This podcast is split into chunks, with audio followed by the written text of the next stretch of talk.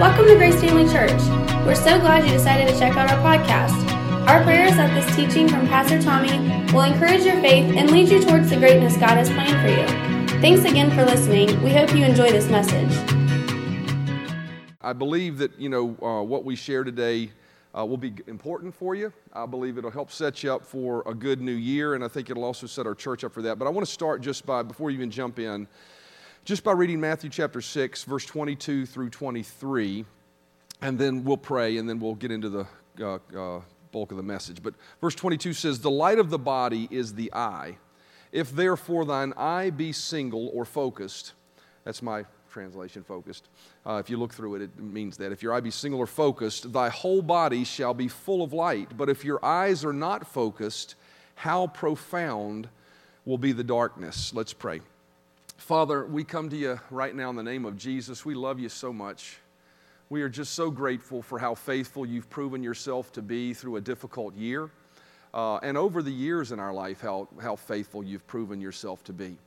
And I just thank you, Father, that as we look to the coming year and put our hope and trust in you, that you will continue to lead us and guide us as a church, as individuals, to the places you desire us to be, to the places of influence and touching others with your love that you desire us to be. And so I just give you thanks for even accomplishing uh, that today, that this would be one small step in us taking steps towards your perfect and complete will for us. We give you praise and thanks for it. In Jesus' name. You know, as I said, I was really seeking the Lord about what we should talk about, and, and, and should this be a message of direction for our church? Should it be more of a specific message for us individually? And, you know, as I was doing that, of course, being the, the leader and the pastor of this church, I was really thinking about directionally, you know, what does the Lord want us to do to accomplish His will as a church body? And, and I thought about a lot of different things. And there's been a lot of things in my heart, even, I wouldn't say are just thoughts, but maybe the Lord's dealing with us about that to, to do that. And, and I thought about the things we could be doing. You know, I thought about the fact that we could find some good causes that are helping people and how we can get involved in those and, and reach out and touch others. How many believe that's a good thing to do, right? Um, I thought about, you know, the need for potentially establishing, you know, more of an intimate type of meeting as opposed to just Sunday mornings, but also maybe small groups or groups where we get together and more regularly establish relationships so that we can, you know, um, grow to know each other better and really produce a more, you know, uh, uh, environment that's conducive, as a lot of people say, for church growth. I thought about that. Uh, I thought about, you know, just a, a, a membership campaign. You know, we've done that over the years to really encourage people to bring people out to church and get them in church and so that we can fill the lord's house and, and, uh, and build the church that god's called us to build. And, and, and i've even thought about you know um, all of those different things we could be doing. But as i was thinking more intently about that you know i really got to the, the, the result of really what should our focus be? All those things are great. And as i thought about that you know i thought about a particular uh, verse of scripture that i'm going to read in just a moment. But you know i've titled this message uh, and this series that I'm going to teach over the next several weeks, Focus. And, and, and the reason I did that is because as I began to think about what we could do, you know, there's a, there's a big difference in what you can do and why you do it. How many of you realize that? There's, you know, a lot of times we do things in our life, and then there, then, but, but if the motive behind why you do it isn't right, then, then it's not going to be as effective as it could be. And so, as, as I began to really think about that, you know, the Lord really led me to John chapter 12 and verse 32. And I believe that as we look at this, uh, what we'll find this week and in the coming weeks, that this is not only going to set direction for us as a church, but even more so, I think this is more applicable to our lives individually. Because what is a church anyway? A church is really a, a group of people that come together, and it's the individual people within that church that make up the church. I remember, you know, here at the church, here's the steeple. You know, look in the door, see all the people. Remember that? How many remember that? Have you, how many ever remember that growing up? How many of you don't remember that? Y'all all do remember that. Everybody's seen that before? Okay, good, good, good, good. Uh, so I didn't have to ask you to Google it. Um, but anyway, um, you know, as I think about that, what makes up a church is the people that are inside the church. And so, as we talk about today, really focus and what should our focus be in the coming year? Uh, and really, not just the coming year. I think sometimes we calendarize God, if that's a real word. Um, you know, God, you know, He does have times and dispensations, but how many of you know He lives beyond time? Um, and so, really, you know, the start of a dawn of a new year for us, you know, you know, we, you know, we make it a big deal, but for God, you know, the clock just keeps on ticking, and He just keeps on being faithful. Amen. And so, what should the focus of our lives be as we, though, look forward to the coming year? John chapter 12 and verse 32 says this Jesus said these words. He said, If I, he says, and I, if I am lifted up from the earth, will draw all people to myself. And you know, as I read that verse of scripture, I often read that as sort of a church growth principle. You know, uh, yeah, that if, if we as a church lift Jesus up, then he's going to draw people into this church. And, I, and as a pastor, I always looked at it as a church growth principle. You know, and then as individually, when I look at that, I often looked at that as a personal call to evangelism, that each one of us need to lift up Jesus in our lives and, uh, and, and so that people will be drawn to Jesus. And, and although both of those things probably are true and are very effective in reaching people for Christ, as I really think about why Jesus made that statement, it wasn't for a church growth principle and it wasn't even for a personal call for you to evangelize the world. The reason Jesus made the statement is it was a statement of purpose. If you really look at the crux of what he says in that verse, he says there's a reason why I'm about to die on the cross. There's a reason why I'm about to be lifted up. There's a reason why I'm about to make the sacrifice that when you look upon it, you'll be uh, just flabbergasted that someone that would do that for you. There's a reason why it's about to happen. He said, If I be lifted up, I will draw all people to myself. And I think as we understand the focus of why Jesus died on the cross, it helps us establish our focus in our life. One of the reasons he was, li- and the, the, the, purpose for him dying on the cross, the purpose for him rising from the dead was very singular in purpose, it was very focused. It was full of light, it was full of preciseness. The reason he was lifted up was to draw you to him. And that's it. That is the crux of why Jesus died on the cross. We could say he died on the cross to forgive our sins. We could say he died on the cross to uh, heal us, as we see by his stripes we're healed. We could say he died on the cross to uh, do a number of different things. All of those things are really side effects of the real purpose for which he did it. And he told us right in this verse the purpose for which he died. We clearly see that Jesus defines the reason I'm going to die on the cross is so that I can draw people to myself. Now, I got to tell you, that's a foundational doctrine you have to establish in your life if you're ever going to understand God in your life. If you're ever going to understand a relationship with Him, the reason God does everything He does in our life is to draw us closer to Him. All the things that were accomplished were as a result of it. And it's so important for us to recognize this. Ultimately, at the core of who we are and all we do has to be this focus then of, am I being drawn closer to Him? As I talk about this series and as I talk about what we move through in the next couple of weeks, the goal, I'll give you the punchline up front. It's very simply this it's so that we can draw closer to Jesus. It is the reason for which you were created, it's the reason you're standing here. And this understanding should define our focus in life, not just in the coming year, but in every year to come. Our goal for our lives should be growing closer to Jesus, our Heavenly Father, and the Holy Spirit. And if our goals don't align with that, then we're doing the wrong things. You know, as a church, I think about as a pastor. If I focus on church growth, and that's the reason I'm doing what I'm doing, then my focus is in the wrong place, just to grow a church. If, if, if, uh, if the purpose for what we're doing in our life is financially, being financially uh, more sound, uh, and that's the purpose for doing it, then we're distracted from our purpose. If it's personal wants or personal needs, you know, as we look to 2021, I, am sure many of us set goals and, and, and, and said, This is what I want to achieve in the coming year. Here's the question I have for you What's the purpose for it? What's the reason for it?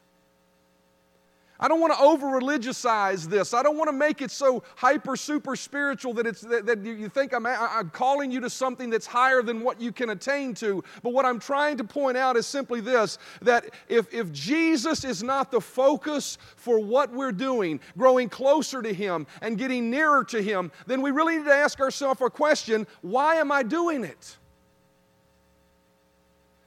It's totally, what I'm talking about in this message is totally about motive of heart. I'm talking about defining, and once again, as I said er, earlier, the why for the what you're doing. I want to talk about the why for the what you're doing in your life, your pursuits, your careers, your dreams, your hopes. Why are you doing what you're doing? Is it for money? Is it for satisfaction? Is it for personal gratification? Or is it truly because I believe this is the course and the plot and the, and, the, and the path that God has set for my life because that is what's going to draw me closer to Him? If the why is not to sincerely, with no premise and no pretense, if the why is not, you know, because you, you, oh, well, okay, I need to figure out, you know, I, I want to do this, but, you know, oh, yeah, I got I got to make sure that I'm pursuing Jesus, right? If it's just an afterthought, it's not really your purpose. It's not really your focus. See, motive of heart is not just about what you say you, why you're doing it. Motive of heart is the DNA within you that's driving you to do what you do. And you know, many of us may have DNA in different places right now, and I'm not talking about physical DNA. We may have other passions, we may have other pursuits, we may have other things that are driving us, goals. But what, I'm, what I believe the Lord is calling us to do and recognize in the coming year is, is, is really, and re- really right now in this moment in time, is to look into our hearts and ask my, ourselves, what is my motive for doing what I'm doing? Motive is something that drives you. So as we look at the coming year, we need to understand that God is very interested in us growing closer to Him. The heartbeat of our everyday coming and going must be consumed with more of Him and less of other things. Why? Because it's the reason God cares about us. It's the reason God, it's the reason God created us. It's the reason Jesus died for us. The Apostle Paul pointed this out that he accomplished many things in his life. He did many things for the kingdom of God, even that would seem to uh, uh, uh signify that what he was doing was for God, and because he had a passion for God. But what he points out is that all of those things were just things. There was a motive of heart that was more important to him. Philippians chapter 3 and verse 7 says, But whatever, Paul said these words, but whatever were gains to me, I now consider lost for the sake of Christ. What is more, I consider everything a loss because of the surpassing worth of knowing Christ Jesus my Lord, for whose sake I have lost all things. I consider them garbage that I may gain Christ and be found in Him, not having a righteousness of my own that comes from the law, but that which is through faith in Christ. The righteousness that comes from God on the basis of faith. I want to know Christ Yes, to know the power of his resurrection and participation in his sufferings, becoming like him in his death, and so somehow attaining to the resurrection from the dead. Not that I have already obtained all of this or have already arrived at my own goal but i press on to take hold for of that for which christ jesus took hold of me. Why did jesus take hold of me? He told us so that he could draw him to him. He said, I press forward to know him, to, to, to encounter him, to experience him. I press toward the goal to win the prize for which God has called me heavenward in Christ Jesus. All of us, then, who are mature, should take a such view of things. Notice he says that if you're mature. One of the signs of Christian maturity is when you begin to think of your life with respect to how can I get closer to God instead of how can I get closer to what I want in my flesh. See, to, we, to, to, to, to, the carnal mind, that sounds like a trade off. I got to give up what I want to get closer to Him. But the reality is, is that God knows better what's going to satisfy you. And it very well may be the thing that you want. But if the thing that you want has become the goal of your life, then the goal of your life has been distracted from the purpose for which you were created. God wants us to draw closer to Him. And this is where I want to spend the next few weeks to set our focus on the motive of our heart. Today, though, I want to talk to you about why does God encourage us to set Him as the goal for our lives? Why does God want us to make Jesus and Him our focus? You know, I think about things like this. and I don't think God is, you know, sometimes I think we think a thought that challenges our understanding of who God is, and we think God would be angry with the thought. How many of you realize God wants you to be open and honest with Him in every area of your life, even including your questioning of Him? He wants you to bring it to Him. So I think about this many times. I think, why does God want to be the focus of our lives? Why does He want us to make Him the focus? I mean, here was a thought that crossed my mind. Is it just because He's egotistical? Is it just because he wants to be the center of the universe and be God to me? Is that why God wants me to, be, uh, to make him my focus? Is it, is it to get me to meet some sort of moral obligation so I live up to some standard of holiness that is more like him? Is that why he wants me to do it? Why does he want me to make him my focus? Is it to make me super spiritual so that I don't experience the fun that comes from some of the carnality that we enjoy? Is it to rob me of the things? Is it to, is it to make me some pious, holy person that can enjoy the real everyday things of life that are fun to enjoy? Is, is, is, that, is that why? Does he want to fit us into some sort of crazy religious mold? None of these are the reasons why God wants, to make, wants us to make Jesus the focus of our lives. And I believe God reveals the purpose of our seeking Him first as a priority in Matthew chapter 6. As we've read it, Matthew chapter 6 and verse 22. Now I'm going to read a larger portion of Scripture, and I ask you, how many realize I always say this it's okay to read the Bible in church? Sometimes people are like, man, he's reading too many verses. I want to hear, you know. That's, that is the word of life, right? That's better than anything I can give you. Matthew chapter 6 and verse 22 says, The eye is the lamp of the body. This is another version of what I read earlier. So then, if our eye is clear, your whole body will be full of light. But if your eye is bad, and, and when it says bad, it doesn't mean evil, it means unclear, right? If it's not working the way it should, your whole eye will be, or body will be full of darkness. So if the light that is in you is darkness, how great is that darkness? No one can serve two masters. For either he will hate the one and love the other, or he will be devoted to the one and despise the other. You cannot serve God and wealth. For this reason, I say, and you could put in there anything, right? You cannot serve God in wealth. You can't serve God in self. You can't serve God in uh, a goal. He's got to be the purpose for what you're doing. For this reason, I say to you, do not be worried about your life. It's really interesting. He says this. He says, for, for you to be in the place that I created you to be, you have to sell out your life to me. You have to give me your hopes, give me your dreams, give me your desires, give me what you think is the right way to do things. You have to give it to me. Now, the natural human response is wait a minute, if I let go, then I'm going to be out of control. And then he goes on to say, for this reason. For what reason? For your response to that. Your response is, I can't let go of the things that I think I love so much. I can't just throw myself into what it is you've called me to do with my life or you've purposed me to do in my life. He says, For this reason I say to you, do not be worried about your life as to what you will eat or what you will drink, nor for your body as to what you will put on. Is life not more than food and the body more than clothing? Verse 31. Do not worry then, saying, What are we to eat, and what are we to drink, and what are we to wear for clothing? For the Gentiles eagerly seek all these things, for your, but your heavenly Father knows what you, that you need all these things. Notice this, here it comes.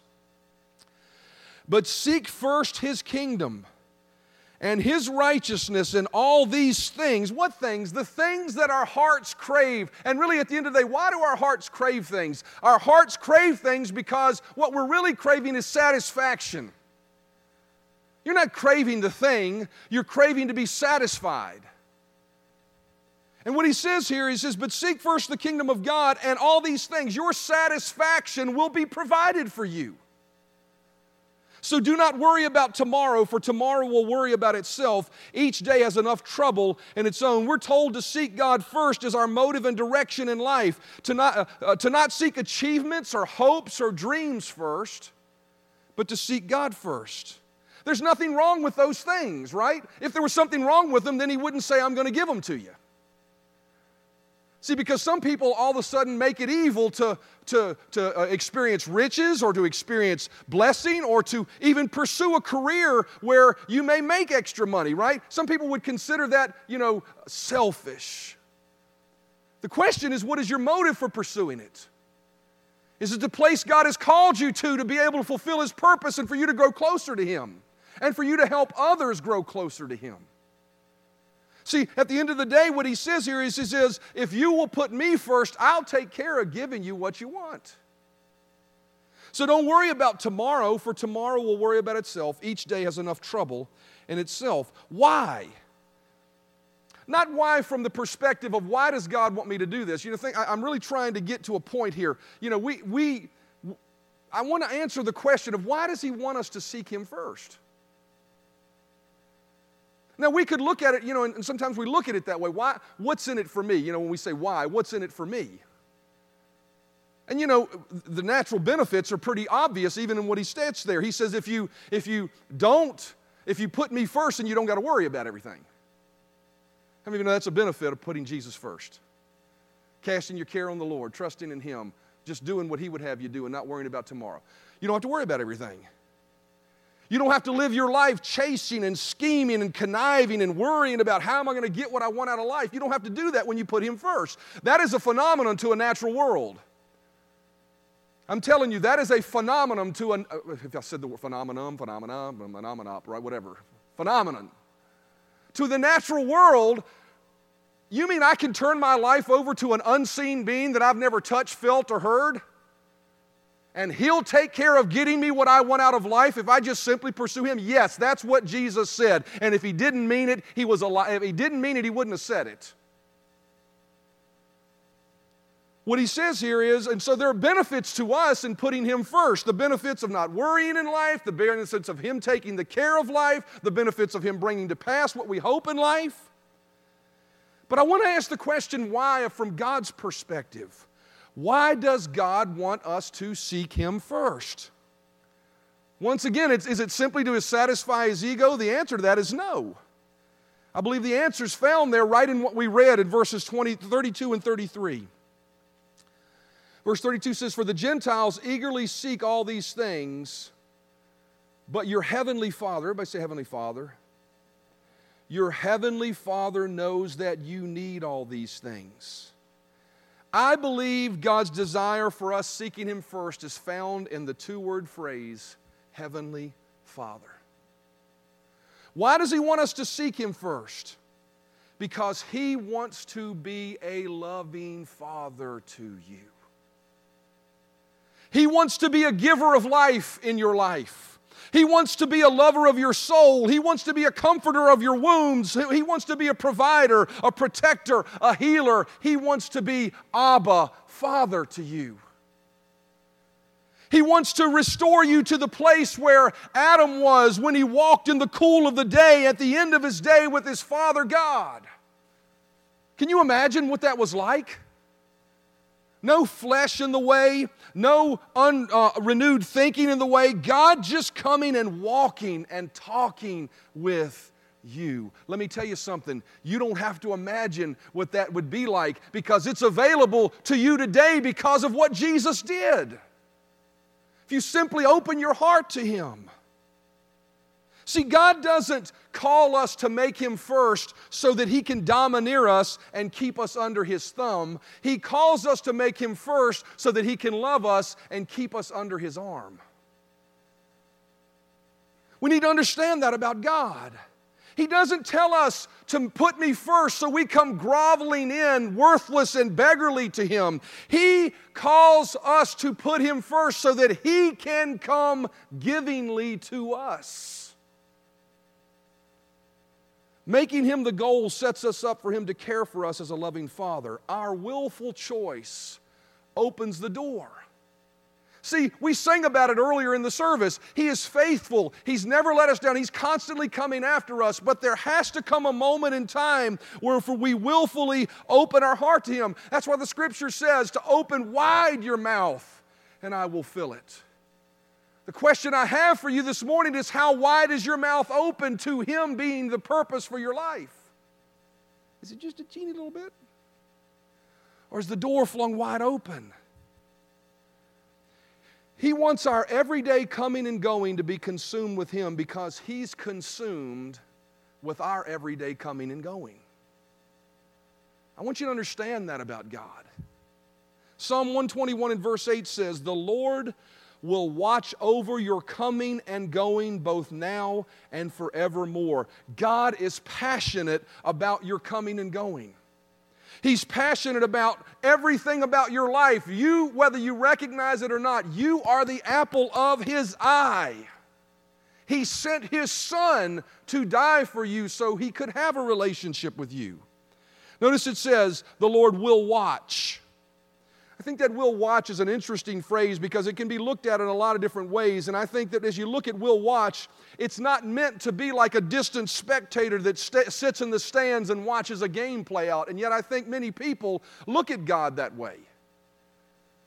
They look at God as sitting in the stands, looking at their life from a distance as if he could go get a hot dog at any point because he's not really invested in the game anyway. He cares about what's going on, but not really. He's got bigger fish to fry. He's got a millennium to bring to pass, and I'm just a little speck in that, right? But it says He will watch over your everyday coming and going. God is not a distant watcher, He is intimately caring and passionate about the little things in your life. Why? Because each of those little things have the ability to not or to bring you closer to God.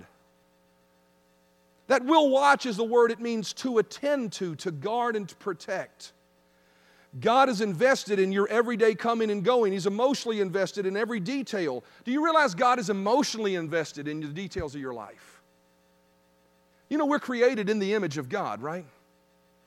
You realize the emotions, and you can see the emotions of God as you read through Scripture. You can see love, you can see sorrow, you can see anger, you can see all of those things. We're created just like God, and just like you're invo- emotionally invested in the things that you care about, do you know God is as, just as emotionally invested that when something comes to pass in your life and your faith brings to fruition what you've been believing for, that He has promised you, He rejoices just as emotionally joyful as you do about it?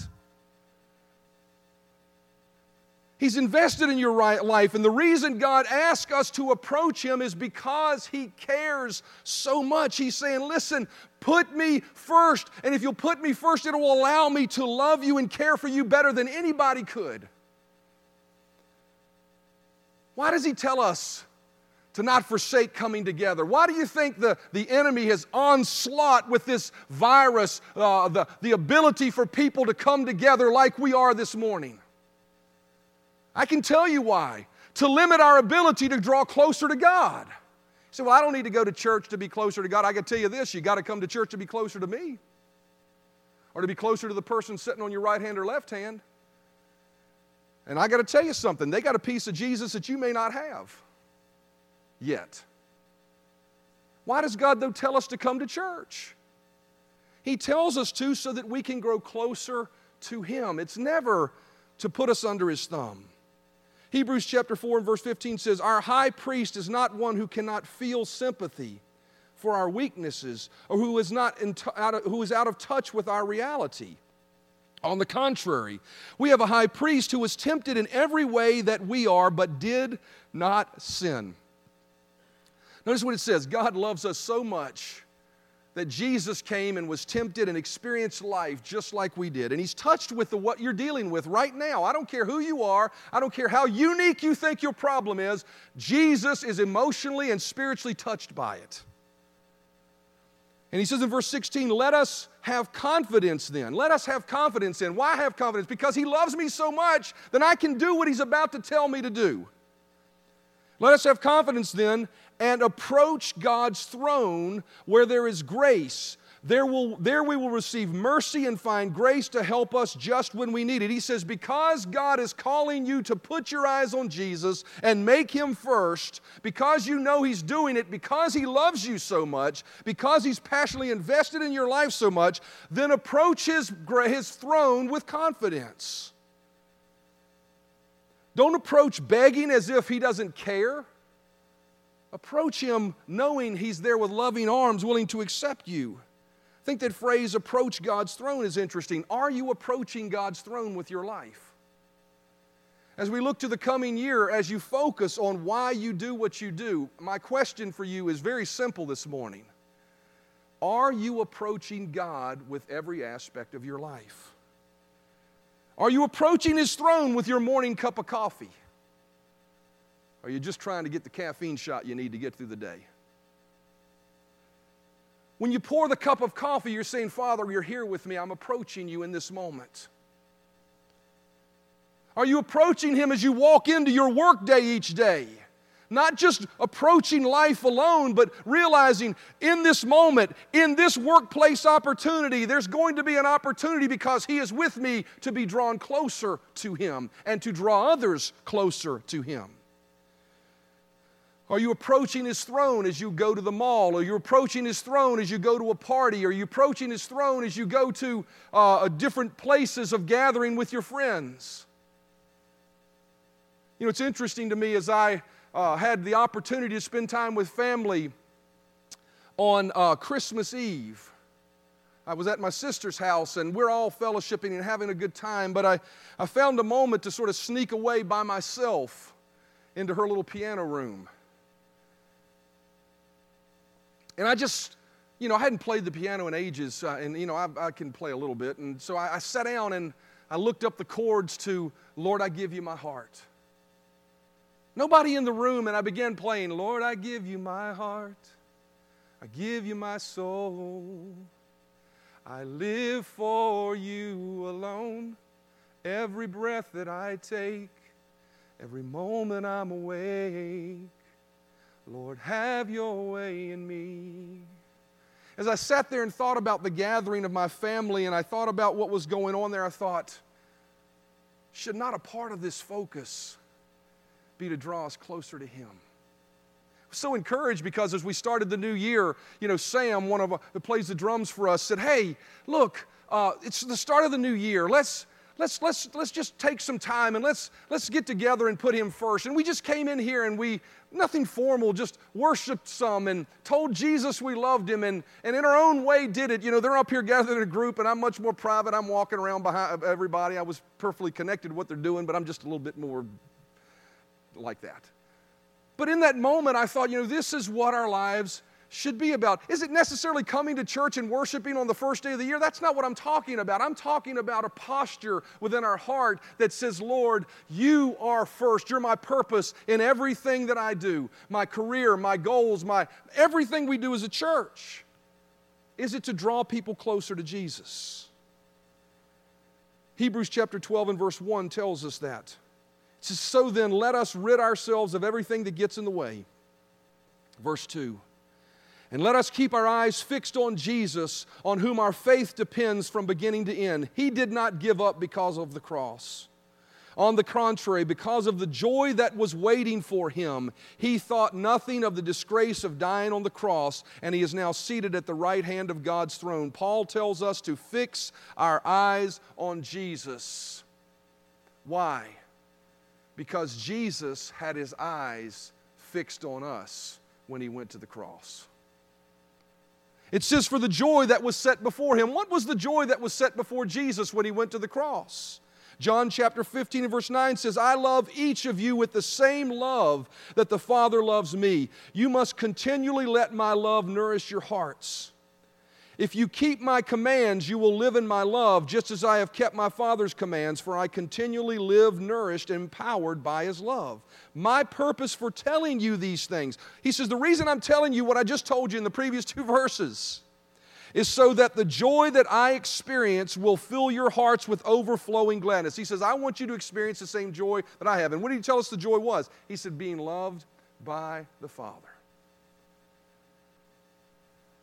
Jesus' joy came from being loved by the Father, and his desire to be the focus of your life is just the same so that you can experience the magnitude of his love for your life. This is why he directs us to make God's will and presence our goal, so God can show us his love. Notice he says, If you keep my commands, you will abide in my love.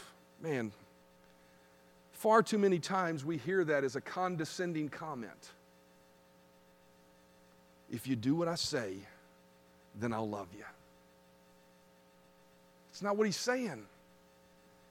He says, if you do what I say, you'll find yourself in the place where my love is. He doesn't say, you know, if you do, I will love you. He says, look, right here is where my love is. It's in the place of you giving me the, the, the sole ownership and, and place of preeminence in your life. See, we always need to remember something about God. This is something I try to remember when I look at doctrine for my life. One of the things I try to remember is this is every command of God is given not to confine or conform us. It is rather given to confound us. When God tells you to do something, He does it because He is behind all of it is He wants to overwhelm you with His love. Whatever He's asking you to do in your life, whatever God is tugging on the heartstrings of your heart about, even in this message right now, let me tell you something. The reason He's talking to you about it is not to take something from you, not to fit you into some mold, not to make you something you don't want to be, but He's doing it because He recognizes this is the place for which I created you, and that is where you're going to be the most overwhelmed and satisfied by me, the only one that can meet your needs the way you need to have them met. He wants to overwhelm us this year. I could prophetically stand and say as many maybe true prophets or false prophets do 2021 is going to be a year of God overwhelming you and God pouring blessings upon you and doing all these great things. I don't have to do that because the answer is already in His Word. And the answer tells me this that if you will press into God in 2021, He will overwhelm your life with blessing, with love, with emotional and spiritual security. And so, my word to you this year is this focus on Him and watch Him focus on you. As the musicians come and as we approach 2021, I believe we should make our goal growing closer to Jesus and our Heavenly Father. I can tell you as a pastor, I am going to do my best, and I hate this phrase, going to be laser focused. Such a key word in businessdom, businessdom today. You need to be laser focused. But I am going to do my best as a pastor and leader of this church to evaluate everything we do by that standard. Will it draw us closer to Christ? Will it draw others closer to Him? I think about the things that need to be done in the coming year potentially. I look at the building over there that needs to be repaired and fixed up. Why does it need to be fixed up? What's the purpose for behind us getting behind a project to even do so? I can tell you this if the motive behind it is not to draw people closer to Jesus, then we're just wasting our time and our effort. I'm going to tell you right now, though, God cares about people and there are going to be things we're going to do in the coming year with that focus in mind, that purpose of heart. God, we want to draw closer to you. And we want you to draw others closer to you. I stood in the back of this sanctuary before this service started today. And I prayed from the bottom of my heart with all sincerity God, fill this place. Fill this place with people who don't know that you love them. Fill this place. Help us be a place that draw people closer to you, the purpose for which your son died for us. Help us, Father. Find our lives rooted in that purpose. Whatever it is we do with us, whatever the career is we pursue, let it be to the end that I can further the kingdom, that I can grow closer to Christ, and that I can bring other people closer as well. Let that be our focus. Matthew 6 22 says, If therefore thine eye be single, focused, thy whole body shall be full of light. Father, help us make Jesus the reason we live. the purpose for which we breathe. Let Him be the passion of our heart this year. Let us pursue Him in everything we do. Every relationship that we pursue, Father, let it be because that relationship brings me closer to my Father. It makes me a better Christian. It makes me a better child of God. Not just better in the sense of living right and doing right, but better because I know Him more because I spend time with Him, them. Help us, Father, create avenues and channels through which people can, can, can experience that purpose in their life. Thank you, Lord Jesus. With every head bowed and every eye closed and no one looking around, I believe most here this morning are believers. But there may be some that are watching that aren't. And so before we take the next step in our service, I want to give anyone an opportunity to recommit their life to Christ or to open their heart to Him for the very first time. The Bible says that's done very simply. Believe in your heart that God sent Jesus to die for your sins. Believe that He rose from the dead so that you could experience life with Him. And then simply bend your knee, whether it be physically or just metaphorically, bend your knee to Him as your Lord and Savior and confess Him as your Lord. If you're here this morning, you've never done that. If you're watching through the Facebook feed or listening through the podcast later and you've never done that, I'm going to ask you to repeat a simple prayer after me. And I just believe there is someone listening right now to the sound of my voice that needs to make that choice. If you would sincerely from your heart make that statement, just pray these words after me. He will make himself real to you, not your mother, not your sister, not your father, not your brother. He will make himself real to you. Say this prayer with me. Say, Lord Jesus, I believe you died for me to forgive my sin so that I could be close to my Heavenly Father. I accept your forgiveness. Thank you right now for being my Lord and Savior. And that right now in this moment, I am a new creation. I am a child of God, and you're my Father. In Jesus' name, amen and amen and amen. Thanks for listening to our Grace Family Church podcast. We hope you enjoyed this message. If this ministry has blessed you in any way, we would love for you to get connected. Just go to gfcva.info for more information about who we are, how to give to this ministry, or how you can get involved. Thanks again for listening, and we hope to see you soon.